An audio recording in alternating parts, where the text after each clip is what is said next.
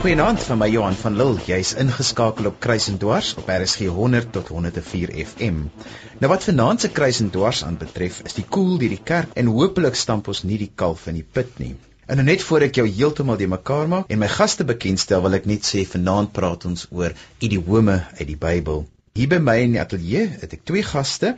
My eerste gas is Jean Lombard. Nou Jean, vertel vir ons wat jy doen.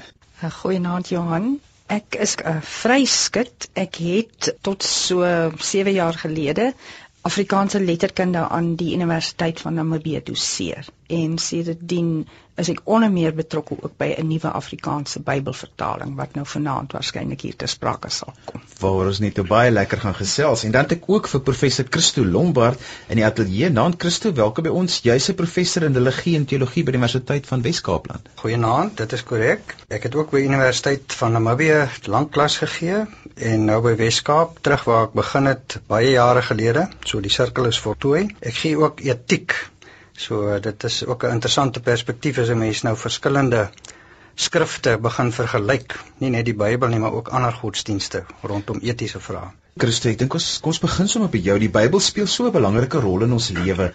Hoekom staan die Bybel dan nou so sentraal? Ek dink 'n mens moet maar 'n bietjie teruggaan, jy weet, na Jan van Riebeeck wat hier aangekom het met die Bybel met sy skepies en die Hugenote, my ou voorvaders was Hugenote met die uit die reformatie met die Bybel en uh, so 'n bietjie later die voortrekkers uh, met die Bybel in die kus op die wa getrek die land binne-in. So dis wat hulle noem dit was die simboliese universum, die simboliese wêreld waar binne mense geleer lees het, geleer praat het. So die die hele taal is gevorm as dit ware deur die Bybel en gedagtes en idees uit die Bybel.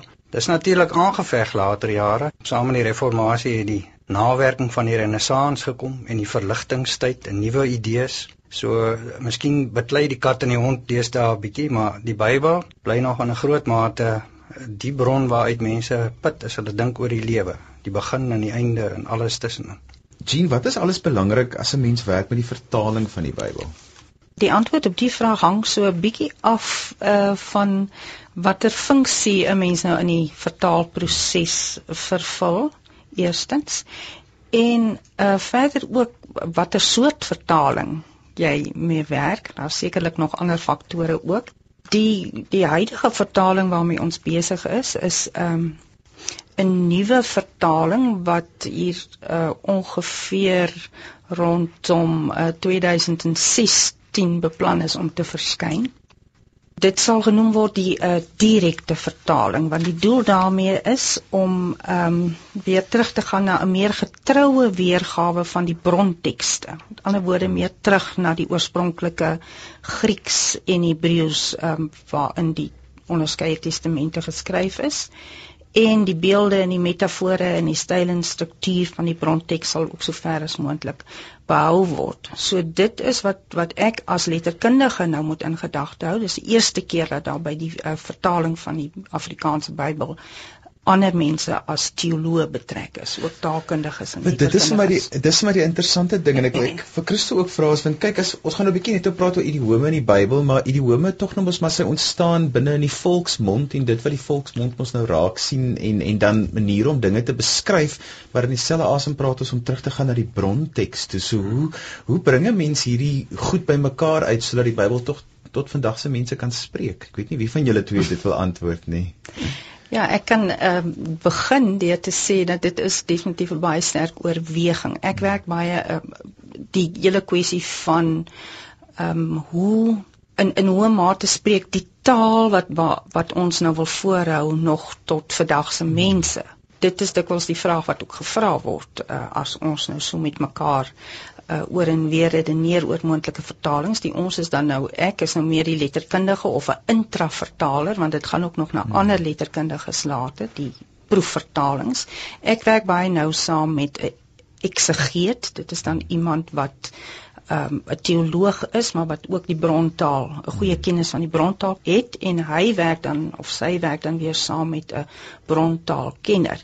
So dit is maar so ehm um, ek het nou gelees van tussen Scylla en Charybdis is ook 'n 'n idioom, né, in die. Ja. idioom boeke. Mense beweeg maar regtig so tussen twee stormagtige see of eilande deur in 'n stormagtige see om daai twee bymekaar uit te bring om uh, nog uh, goeie moderne Afrikaans te behou, maar terselfdertyd ook weer meer terug te keer na die bronteks. Ja, want Christus ek weet die woorde van die Bybel in my verstaan is mos nou heilig. So nou kom ons en ons vertaal dit sê nou maar in 'n moderne konteks. Uh, Daai balans bly altyd vir my 'n interessante dinamika binne Bybelvertaling. Ja, nee, beslis. Ek wil dit was vir my 'n aanpassing van die ou vertaling na die meer moderne vertaling waar Psalm 23 dink ek uh, gesê het uh, deur donker dieptes, jy weet, terwyl ek groot geword het met die dal van doodskaduwee. Nou eintlik weet mense nie mooi wat dit hmm. beteken nie, maar dit dit spreek tog tot jou want jy daarmee groot geword en hmm. dit klink net uh, ernstiger, jy weet, ja. as dit ware op die oor, die die dal van doodskaduwee.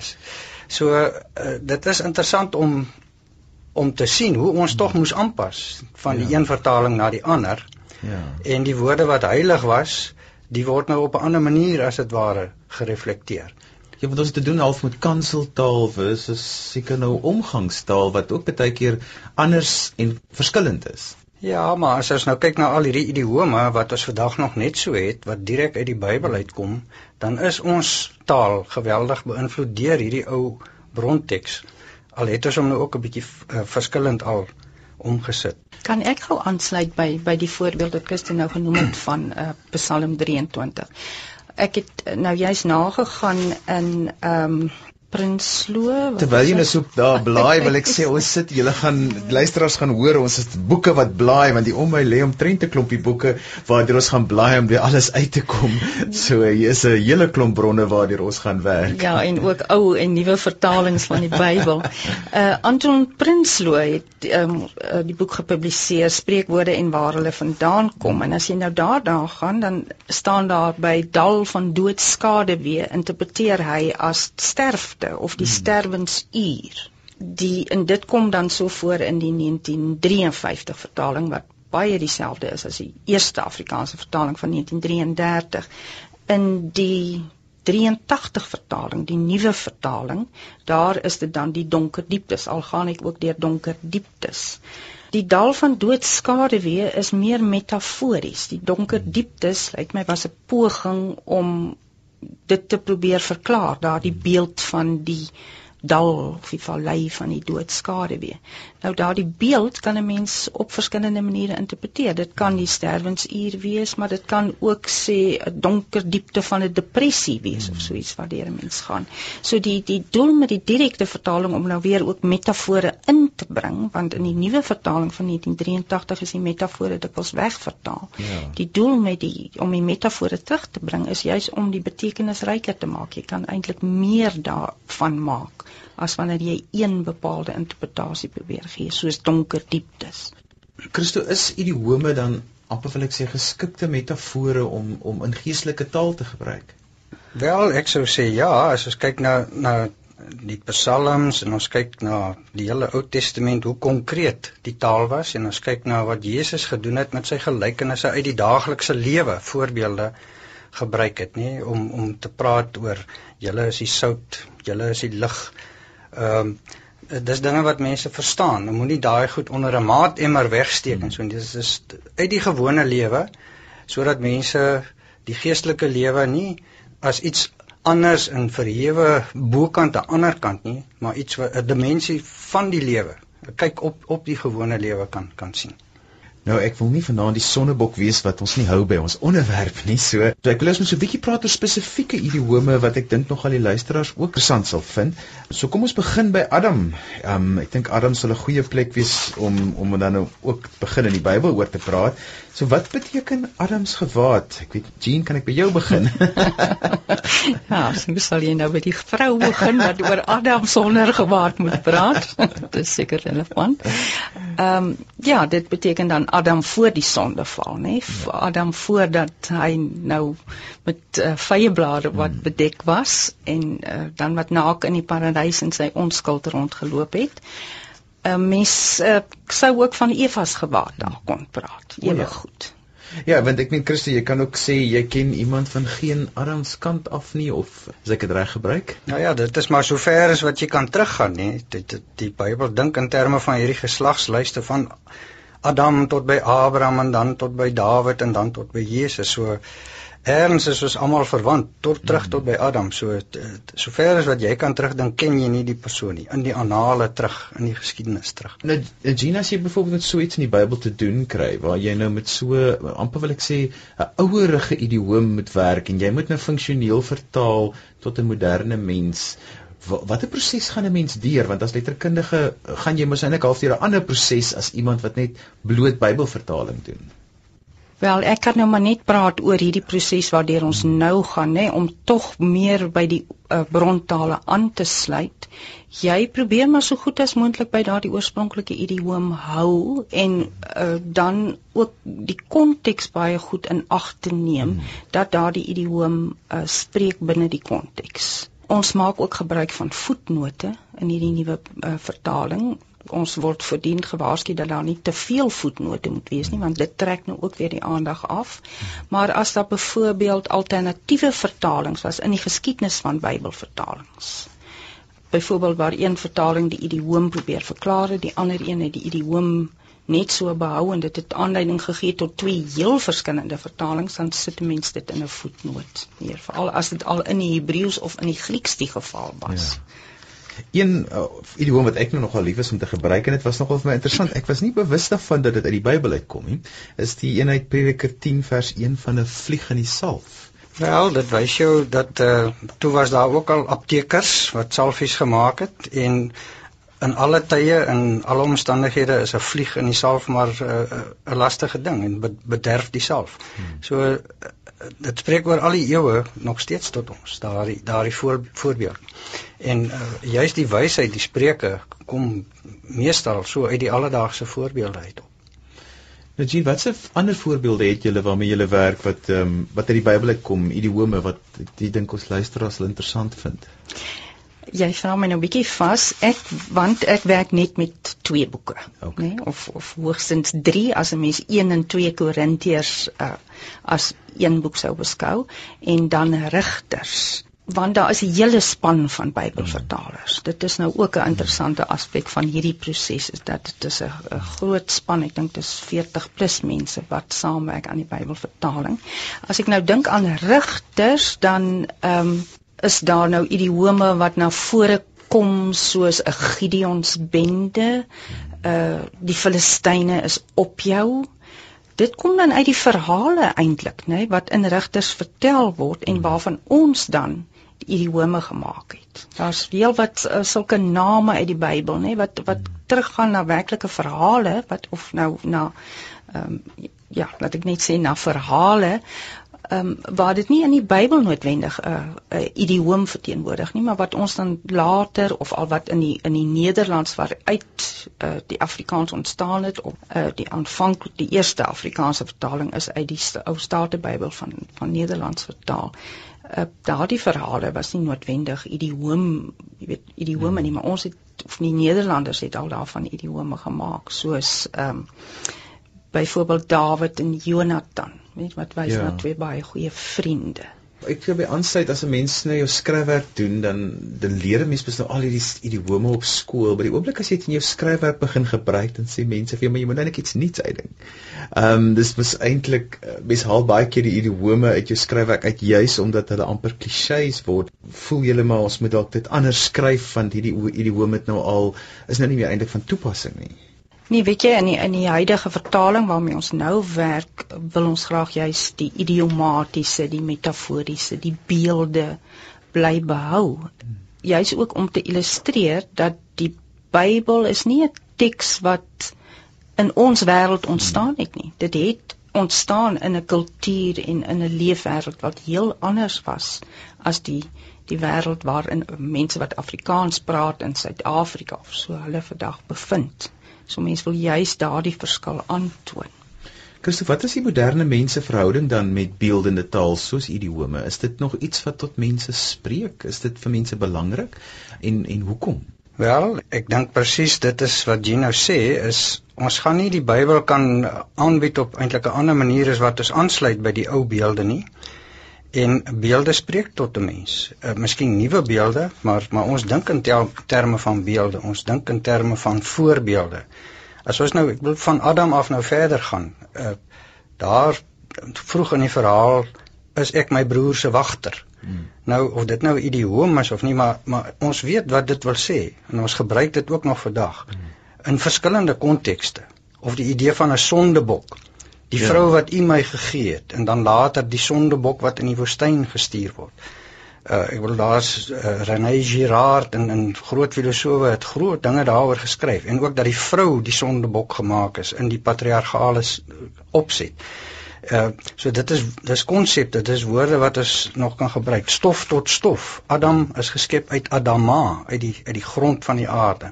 So die ou Hebreërs het aanvaar, jy gaan maar weer terug na waar jy vandaan gekom het. Stof tot stof. Ja. Dit sê ons nou nog by ons begrafnisse. Nou moenie vir my sê mense verstaan nie wat dit wil sê nie, nie. Dit dit is dit is geëikte terme wat wat as dit ware spreek tot tot vandag toe maar die moderne kind se kennis van idiome is mos nou baie beperk. Ek meen ek werk ook met taalboeke en goeters. Ons leer mos nou nie meer van die, die lyste en lyste van idiome nie.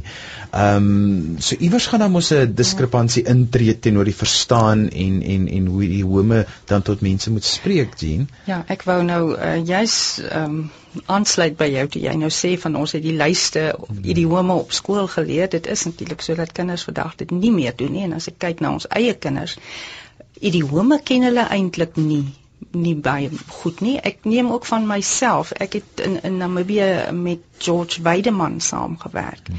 En George se taalgebruik was so idiomaties. Hmm. In vergelyking met myne wat hmm. wat soveel armer was. Ek het nie ek het die idiome geken, maar ek het hulle nie self so gebruik nie. En dit het ek toegeskryf aan die feit dat ek 'n Engelse ma gehad het wat nie jy weet jy ek het half uit die moeders mond met moedersmelk nie soveel idiome Afrikaanse idiome ingekry nie. Dit sal nou interessant wees om te kyk of 'n nuwe vertaling van die Bybel dalk weer idiomatiese elemente terugbring. Ek wil graag hier verwys na 'n voorbeeld uh, wat aansluit by die ehm um, bergpredikasie of wat kom uit die bergpredikasie van ehm um, om 'n tweede myl saam met iemand te stap. En dit is 'n redelike bekende idioom vir ons, hè. Dit staan dan ook so in die 53 vertaling, 53 vertaling, die tweede myl wat jy saam met iemand stap. Die 83 vertaling praat van kilometers wat ek dink nou nie 'n inslag as idioom. Die tweede kilometer. Ja, dit sou tog nou nie 'n inslag as idioom vind nie want dit is 'n ritme probleem. nou, ek vermoed dat die mense wat nou met die bergpredikasie werk vir die nuwe vertaling sal moet terugkeer na myl want dit is die beleid dat jy hmm. gaan terug na die oorspronklike en dalk bring dit mee dat daardie idioom dan die tweede myl weer 'n bietjie meer bekend mag word. So die vertaling kan 'n rol speel om sekere goed weer by by die kinders en by die jonger lesers te vestig sou ek sê. Wat sê jy sê Christus? Ja, maar kyk, dit is nou die probleem met die met die Bybel is om daai tweede myl te verstaan, moet jy bietjie die Romeinse agtergrond hê. Hulle het die myle afgemeet van waar af ook in die ryk tot by Rome. En die die is interessant, die Romeinse soldaat kon jou dwing om 1 myl die pak te dra en as jy dan 'n tweede myl aanbied, jy weet dan is jy maar uh, onderwerp jy jou maar aan die gesag. En dis die vraag is en dis baie interessant as jy op idiome begin gaan van hoe ons hulle verstaan en hoe hulle miskien verstaan kan word. Dan kan jy dalk sê Jesus wou sê as iemand jou gedwing het om 'n myl die pak te dra, bied dan aan om die tweede myl te dra. Moenie weier of so nie, maar bied aan en kyk of hy sy mag gaan misbruik. So dit is amper iets subversiefs daarin of om die wang te draai, die ander wang te draai. Eh, dit is uh, Nietzsche het gesê die Christelike moraal is maar so so lammetjiesagtig en jy's maar pap en jy laat maar die, oor die ouens oor jou loop. En Walter Wink is 'n teoloog wat ingegaan het op die agtergronde en gesê as jy iemand op die regterwang slaan, dan is dit so met die agterkant van jou hand asof dit maar 'n kind of 'n slaaf is. En as die persoon nou nie terugslaan nie want Jesus was nie vir geweld nie, maar die ander wang draai, dan moet jy die persoon 'n oordentlike klap gee, 'n vol klap op die wang. En dan staan jy as ware jou man. Jy laat die persoon verstaan jy is nie 'n slaaf of 'n of 'n of 'n vrou of 'n of 'n kind of so wat maar net so hanteer kan word deur die baas van die huis nie. Ja. En uh, as 'n mens dus die agtergronde 'n bietjie kan inbou weer, jy weet dan word dit 'n uh, subversiewe tekste as dit ware wat teen die mag kan kan proteseer.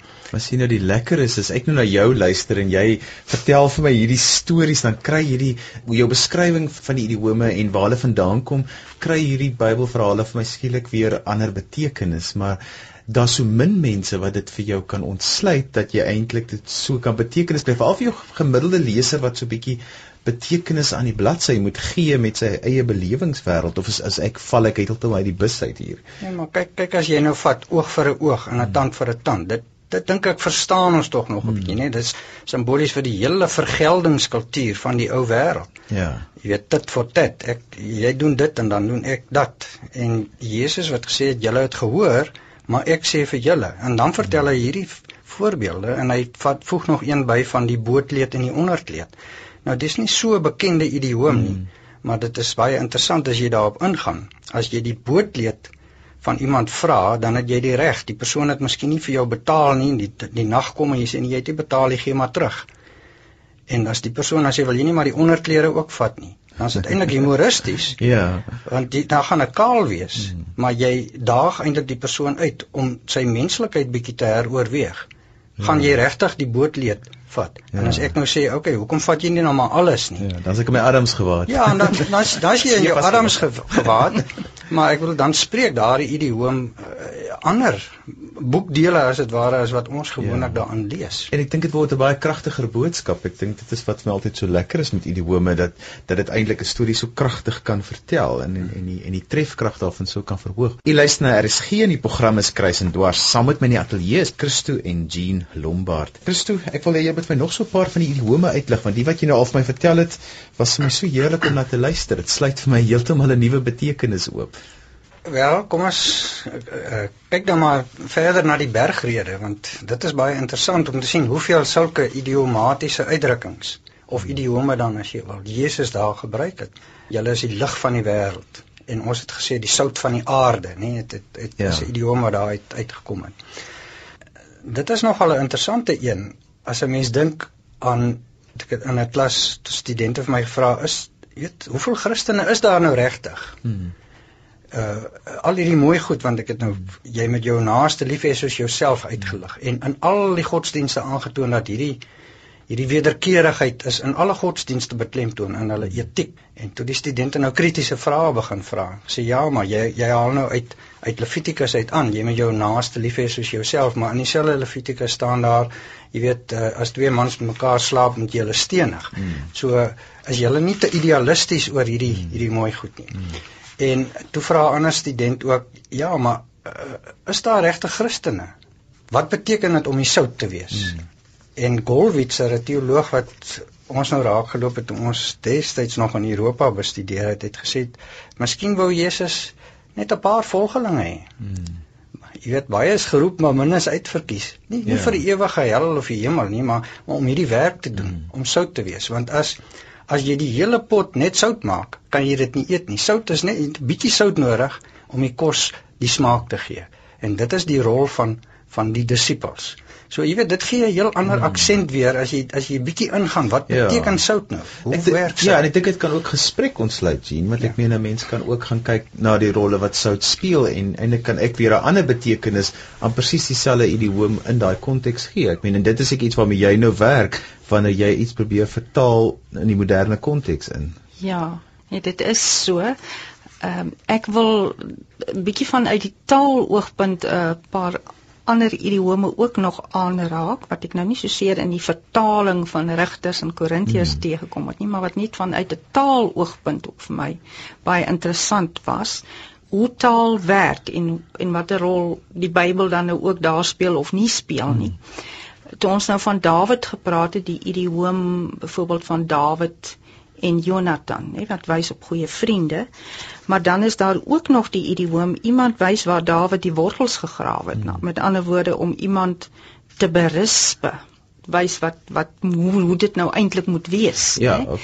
En dan as 'n mens nou na Prinsloo se vers, uh, verklaring daar kyk, dan het daardie Dawid want wat weet waar die wortels was eintlik niks met die Bybelse Dawid of of nie in eerste instansie met die Bybelse Dawid te maak nie. Dit was nou vir my ook interessant hmm. om te lees. Hy verwys hier na die Dawidjies wortel dit wat 'n plantsoort is wat baie giftig is vir diere. Maar Leipold praat ook van 'n van 'n merwe wat sy vrou met kattekruie en dawietjies goed vergewe het en dis dan nou vergiftig het, hmm. né? As jy nou vir iemand wys waar die dawietjie wortel begrawe is, dan kan dit dalk letterlik beteken dat jy hom inlig oor die gifplant of waarsku dat hy met gif speel. En dan sê prins so die vervorming van dawietjie wortel tot Dawid, die persoon Dawid wat dan weet waar die wortels was, lyk voor die hand liggend vir alles iemand wat nie die plant ken nie, die naam daarvan hoor. Ja. So so speel die die Bybelse ja. Dawid dan nou eintlik in op die idioom wat oorspronklik nie eintlik met enige iets met daardie Dawid te maak gehad het. En ek is 'n vreeslike taalrampokker sou ek sê want ek gebruik sommer idioom soos hy vir my pas. ek sal hom sommer gebruik het dit sê dis om iemand uit te oorlees. En ek dink dit is dis die interessantheid van idiome dat mense dit amper wil ek sê inspan soos wat hulle lus het om dit in te te span. Ons het mos nou hier 'n hele lysie van idiome en ek ek ek dink dit sou goed wees om net sommer so 'n paar te noem hmm. vir vir die luisteraars en, en dan kan 'n mens nou self dink, jy weet, sê dit nog iets vir ons. Maar uh, daar's 'n element van humor vir my in in in heelwat van hierdie Bybelse spreekwyse. Jy sien die splinter in die ander ou se oog raak, maar die, nie die balk in jou eie oog nie. Hmm. Nou jy weet, 'n balk, 'n hele balk in jou oog, dis ek wil jy moet eintlik lag as jy dit as jy dit vir jou voorstel. Of 'n wolf in skaapsklere of parels voor die swyne. Of of ons is of Israel is God se oogappel hmm. of jy jy begin dink aan die oog, die oogappel, ja. is dit nou die pupil? Dit is tog die ding waarmee jy sien. Wat, wat wil dit nou eintlik sê? Jy weet dit laat jou wel hmm. dink. En die swyne, is dit dis dis dis varke.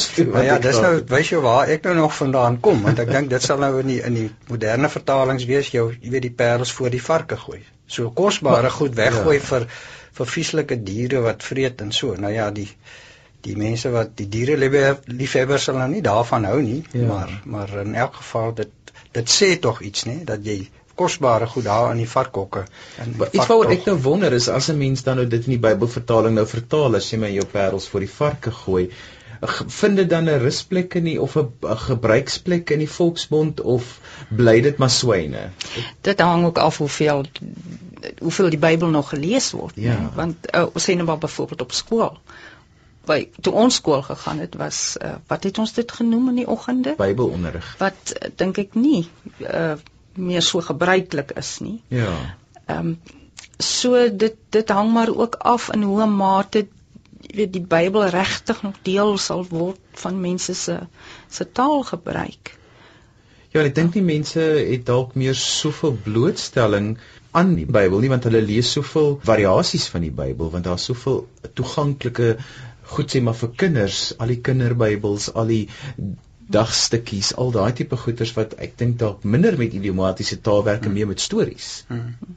Maar wat vir my interessant is, net om nou terug te keer na die voorbeeld van oogappel, is hoe daar baie idiome uit die Bybel kom wat ons nie eers bewus was soos jy nou gesê het ja. van vlieg eh, vlieg in die saal want oogappel het ek nie weer besef dat dit nou eintlik 'n ja. Bybelse uitdrukking is nie en en wat beteken dit dan ek het nou vandag eers regtig mooi nagedink en toe nou ook weer uh, by Prinsloo gaan lig opsteek ehm um, Deuteronomium 32 vers 10 kom dit voor Sagaria 2 vers 8 die oogappel word beskou as die dierbaarste liggaamsdeel van die mens miskien omdat dit die sig van die mens verteenwoordig. Maar hoekom juist die appel? Vra hy dan nou hier. Die ronde vorm daarvan het waarskynlik aan 'n appel herinner. Maar dan voeg hy by in Fries, nê, nee, 'n uh, Nederlandse ja, is meer as 'n dialek nê, by beskou Fries as 'n afsonderlike taal in Nederland. Het appel ook pupil beteken. In Middelnederlands was die oogappel ook die oogensterne naamlik die ster van die oog. Christo Psalm 16 vers 6 verwys na na die meetsnoer het op lieflike plekke geval. Is dit 'n goeie ding? Ek wonder of van ons kinders nog, weet, hoegenaamd uh, die idioom ken, maar uh, ek ken hom beslis nie. ja, maar uh, van my vriende, jy weet, as hulle nou afspot van hoe hulle nou, uh, jy weet, 'n meevallertjie gekry het of 'n gelukkie hulle getref het, dan dan praat hulle van ja, die meetsnoere het vir my in lieflike plekke geval. Ja. Nou die meetsnoer is natuurlik die maat band waarmee jy grond afgemeet het. So Israel het die land in bes, uh, beset, ingeneem met met oorlog of of verskillende maniere. Ehm um, en die die stamme het elkeen 'n stukkie land gekry en uh, die families het, het elkeen hulle grondjie gekry. Jy weet, is amper so, soos die ou boere, jy ry so ver te perd en dan weer so ver te perd en dit is dit is nou jou land. Ja. So die meetsnoer het vir jou in lieflike plekke geval is. Jy het waarskynlik nie op die hoogland of in die bergland nie, maar daar in 'n mooi valletjie, weet so so Franshoek valletjie agtige hmm. plekkie het jy gekry. So die Here was goed vir jou. Baie maar dit is soos 'n ou idioom en dit ek wil as jy hom so bietjie so indink van, van hoe dit nou uitgemeet is. Ja. Dan uh, dan dan maak dit wel sin en dit is dit klink eintlik nogal oulik. Ja, ek moet sê dis nogal vir interessant as mens nou trend vir vir Genie so lawe en my regisseur het omtrent flou geval oor ek nou nie hierdie idioom geken het nee, nie. my kinders sal dit definitief ook nie ken nie. Hulle is nie so veel jonger as jy dink ek nie. Maar dit is altyd vir my interessant dat 'n mens baie keer aanneem dat mense idiome verstaan en dat 'n mens dan ook baie keer aanneem hulle gaan presies weet wat jy sê. Mm. En en ek sê altyd die betekenis wat die leser mos nou na die blad toe bring bepaal mos nou ook baie keer die verstaan van die bladsy. Ek ken na die idiom uh nie ek sal dit nie, jy weet in die onmiddellik aan die Bybel toevoeg as dit maar nie, maar omdat my pa dit so dikwels herhaal het. Hy ja. het baie dikwels gesê die meetsnoere het vir hom in lieflike plekke geval. Soms as hy dit ook ironies bedoel het, dink ek. Dit is interessant in die nuwe vertaling, die 83 vertaling staan daar 'n pragtige deel is vir my afgemeet. Ja, wat ek ontvang het is vir my mooi wat dan nou meer aansluit by die verklaring uit die konteks. Ek vermoed in die direkte vertaling waaraan ons nou werk sal dan nou weer nader beweeg word aan die meetsnoere of Christo, jy wat met studente werk, hoe is hulle ingesteldheid oor idiome wat uit die Bybel uitkom? Wel, ek het nou nie 'n toets, jy weet, vir hulle opgestel om dit uit te vind nie. Ek ook uh, in Engels. Ek ek gee ook in Engels klas ja. by die universiteit en soos ek net nou gesê het, uh gee ek heelwat ook godsdienste. Hmm. Maar wat wat ek wel kan sê en en ek dink dit gee my hoop is my instelling is met die eerstejaarsgroep. Ons lees hierdie ou tekste kom ontspan dan is nou toevallig ook Vrydagmiddag 12 uur wat ek die groot groep van 300 vir die beste tyd in die week. Dis dan nou die meetsnoere het vir my 'n pragtige. Daai rooster is lieflike plekke. dan kyk ons nou en ons lees die ou tekste van Moses van Hammurabi af en Moses en jy weet hierdie golden rule hierdie hierdie hierdie ehm uh, doen aan jou aan die naaste wat jy ook aan jou gedoen wil hê. En so gaan ons nou deur tot by die boeddhisme en alles. Kort geselekteerde teksies, nie lang verhale nie, maar maar jy weet tekste wat eintlik moreel etiese riglyne gee. So dit is nader aan idiome as aan as aan mites en stories en verhale. En meer aforismes amper meer. Dis meer aforismes, ja. Hmm. Jy jy, jy uh, Mohammed het aforismes kort riglyne. Kort riglyne vir die ja. lewe as dit ware. En hoe langer en hoe meer ek dit doen en sê sit rustig, kom ontspan hier, luister net na hierdie ou tekste en dan kry ek ook sommer van hulle om van die goed bietjie dramaties voor te dra, jy weet. Hmm.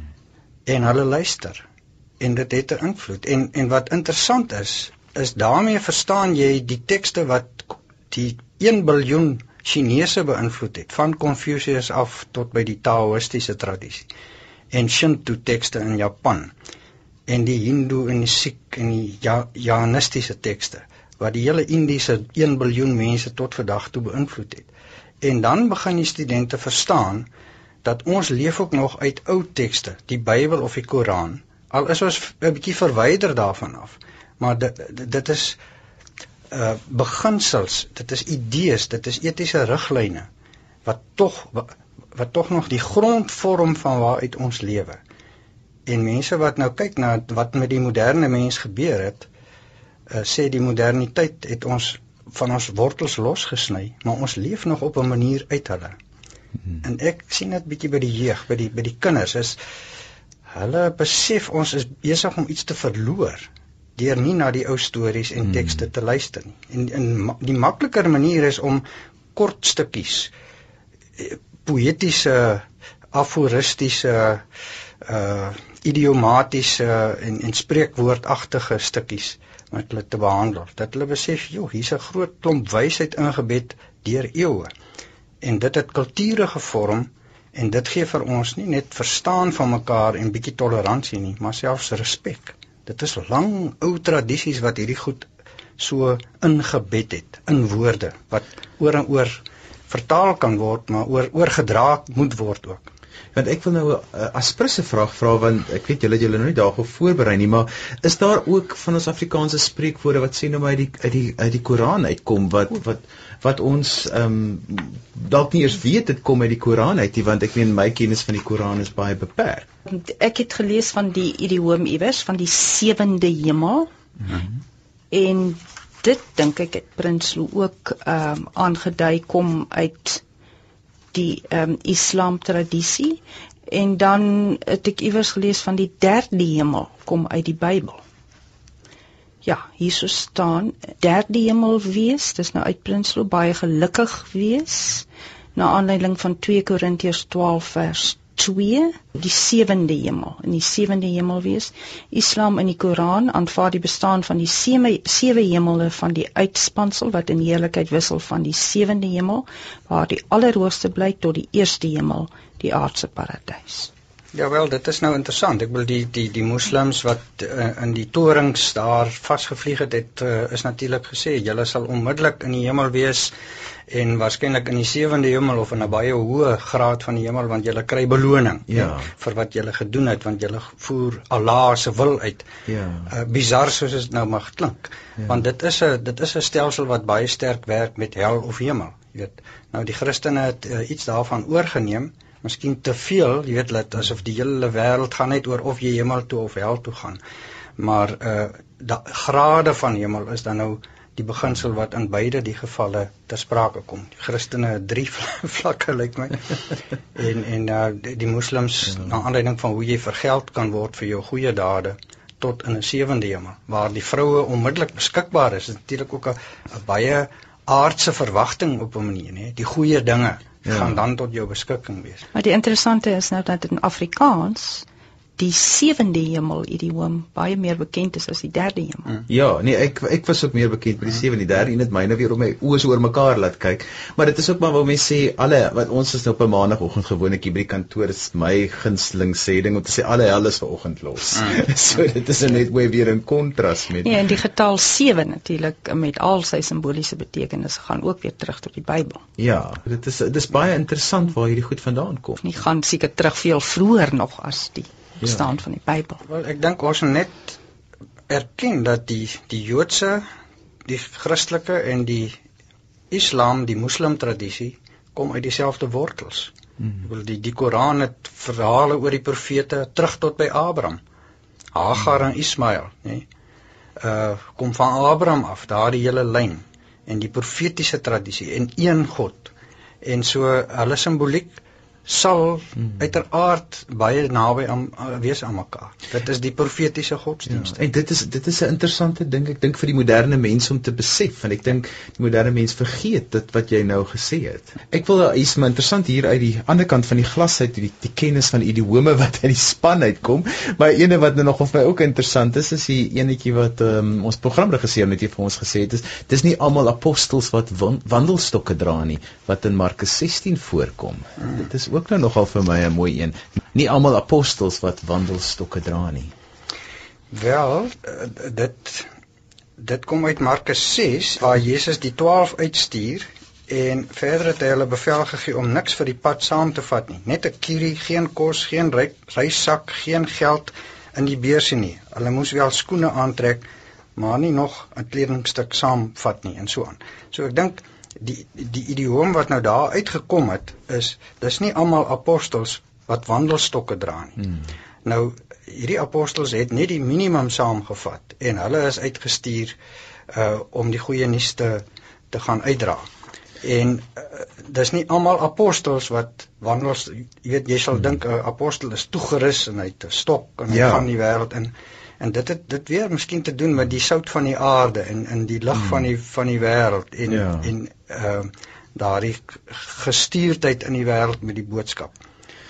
Ek, dit kan ook geïnterpreteer word of as die skyn bedrieg, nê, nee, nie ja. almal wat wandelstokke dra is apostels ja. nie. Hm. Maar voor nog een uitkom, dit is een wat ek nou altyd hm. gebruik het, dit is die sonnebok. Hm. Wat beteken daai sonnebok? Christus.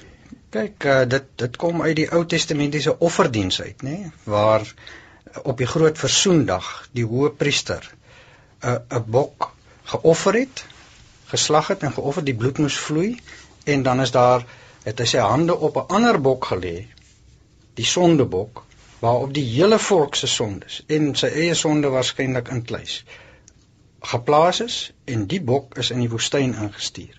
Die bok is uitgelewer aan die noodlot.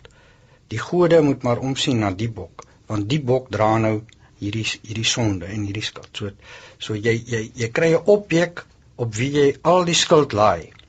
En 'n sondebok is dikwels nou ja, dit is van die van die uh, Adam en Eva verhaal af ook was Eva die sondebok. Die feministiese teoloë het vreeslik baie gemaak van Eva as die sondebok. Deur haar het die sonde in die wêreld gekom en jy kan die ou kerkvaders aanhaal sy is soos 'n rioolpyp van sonde en van van slegheid en so aan. So daar van daar af het, het hierdie hele negatiewe houding oor die rol wat die vrou gespeel het nê om hmm. om om die man te verlei die blaam ook nê ja. Is ek my broer se wagter is ek verantwoordelik en so. Ja. Die hele idee van blaam en skuld wie wie die skuld uh speel 'n geweldige rol natuurlik in die Christelike godsdienst die hele offerdiens is uiteindelik vervang deur Jesus se eenmalige offer eenmaal eens en vir altyd maar nou praat ek 'n bietjie teologie nê maar dit is dit het te doen met met ja. met Hy was dus ook die sondebok wat eens en vir altyd die skuld weggedra het. En nie nou hoef ons nie meer bokke te slag of in die woestyn in te stuur nie. Gina, laaste gedagte van jou af voor ons bespreek. Ja, ek wil nou net so 'n bietjie ehm um, Eva se kant van die saak stel. Maar wat ook interessant is wat jy nou vra van die meetsnoer het vir my geval of dit nou goed of sleg hmm. is.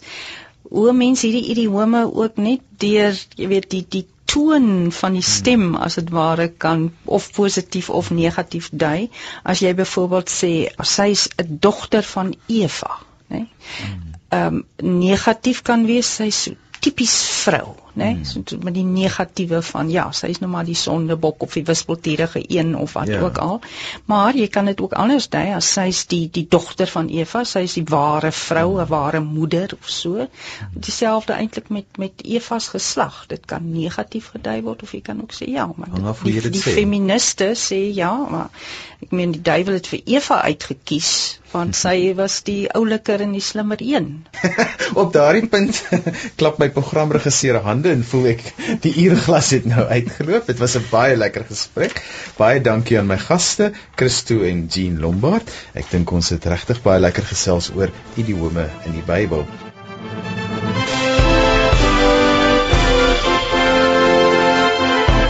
Ek groet namens die produksie en programregisseur Liselde Brein. Dankie dat jy saam met ons gekuier het. Van my Johan van Dil tot 'n volgende keer. Totsiens. Kruisendwars word versorg deur Worldwide Media.